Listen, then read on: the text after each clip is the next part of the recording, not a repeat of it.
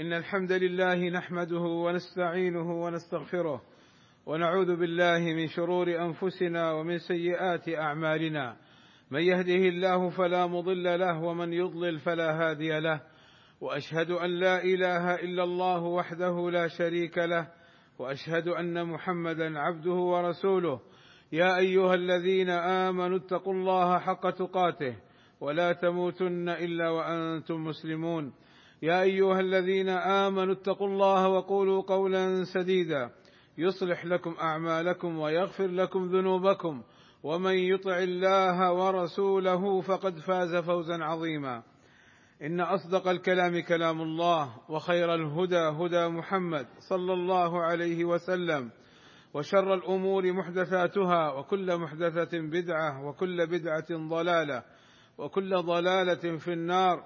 أما بعد فأوصيكم ونفسي بتقوى الله والتزود من العمل الصالح وتجنب المعاصي والسيئات. عباد الله يجب على من دخل المسجد أن يصلي ركعتين قبل أن يجلس. قال صلى الله عليه وسلم إذا دخل أحدكم المسجد فلا يجلس حتى يصلي ركعتين. وإذا أقيمت الصلاة فالمشروع في حقه أن يدخل مع الجماعة.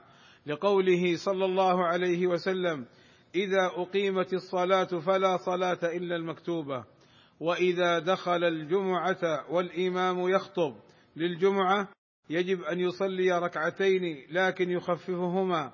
لقوله صلى الله عليه وسلم إذا جاء أحدكم يوم الجمعة والإمام يخطب فليركع ركعتين وليتجوز فيهما أي ليخففهما.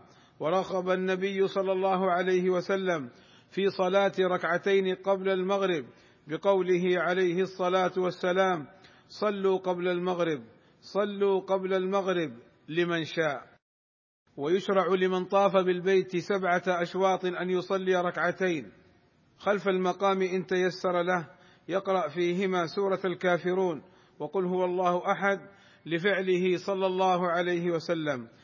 وتستحب الصلاة في مسجد قباء لقوله عليه الصلاة والسلام من خرج حتى أتى هذا المسجد أي مسجد قباء فصلى فيه كان له عدل عمرة ومن أذنب ووقع في معصية فيشرع له أن يصلي ركعتين توبة إلى الله.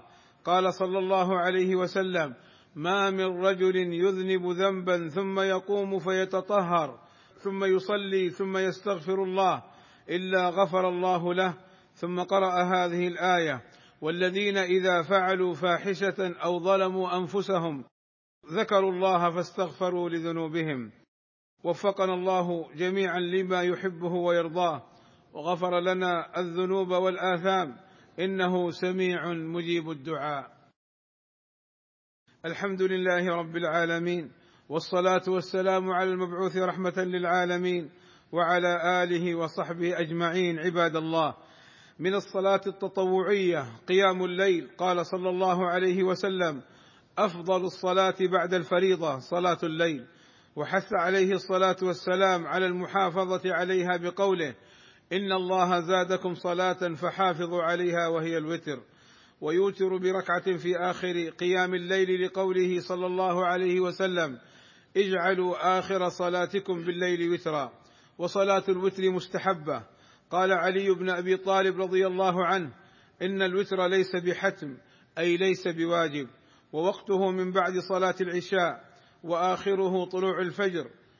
قال صلى الله عليه وسلم إن الله زادكم صلاة وهي الوتر فصلوها بين صلاة العشاء إلى صلاة الفجر وقيام الليل مع الوتر إحدى عشرة ركعة ويشرع أن يصليها تسعا أو سبعا أو خمسا أو ثلاثا أو واحدة لفعله صلى الله عليه وسلم وما شرعه لأمته. فاحرصوا عباد الله على الصلوات المفروضة والصلوات التطوعية. فإن الله عز وجل يقول في الحديث القدسي وما تقرب إلي عبدي بشيء أحب إلي مما افترضته عليه وما يزال عبدي يتقرب إلي بالنوافل حتى أحبه. عباد الله إن الله وملائكته يصلون على النبي يا أيها الذين آمنوا صلوا عليه وسلموا تسليما. فاللهم صل على محمد وأزواجه وذريته كما صليت على آل إبراهيم. وبارك على محمد وأزواجه وذريته كما باركت على آل إبراهيم إنك حميد مجيد. وارض اللهم عن الخلفاء الراشدين أبي بكر وعمر وعثمان وعلي وعن جميع أصحاب النبي صلى الله عليه وسلم. والتابعين لهم بإحسان وعنا معهم بمنك وكرمك. اللهم آتنا في الدنيا حسنة وفي الآخرة حسنة وقنا عذاب النار. اللهم فرج همومنا واكشف كروبنا ويسر أمورنا. اللهم اغفر للمسلمين والمسلمات والمؤمنين والمؤمنات الأحياء منهم والأموات. اللهم وفق ولي أمرنا الملك سلمان بن عبد العزيز وولي عهده الأمير محمد بن سلمان لما تحبه وترضاه. وأصلح بهما البلاد والعباد واحفظهما من كل سوء. اللهم أيدهما بتأييدك.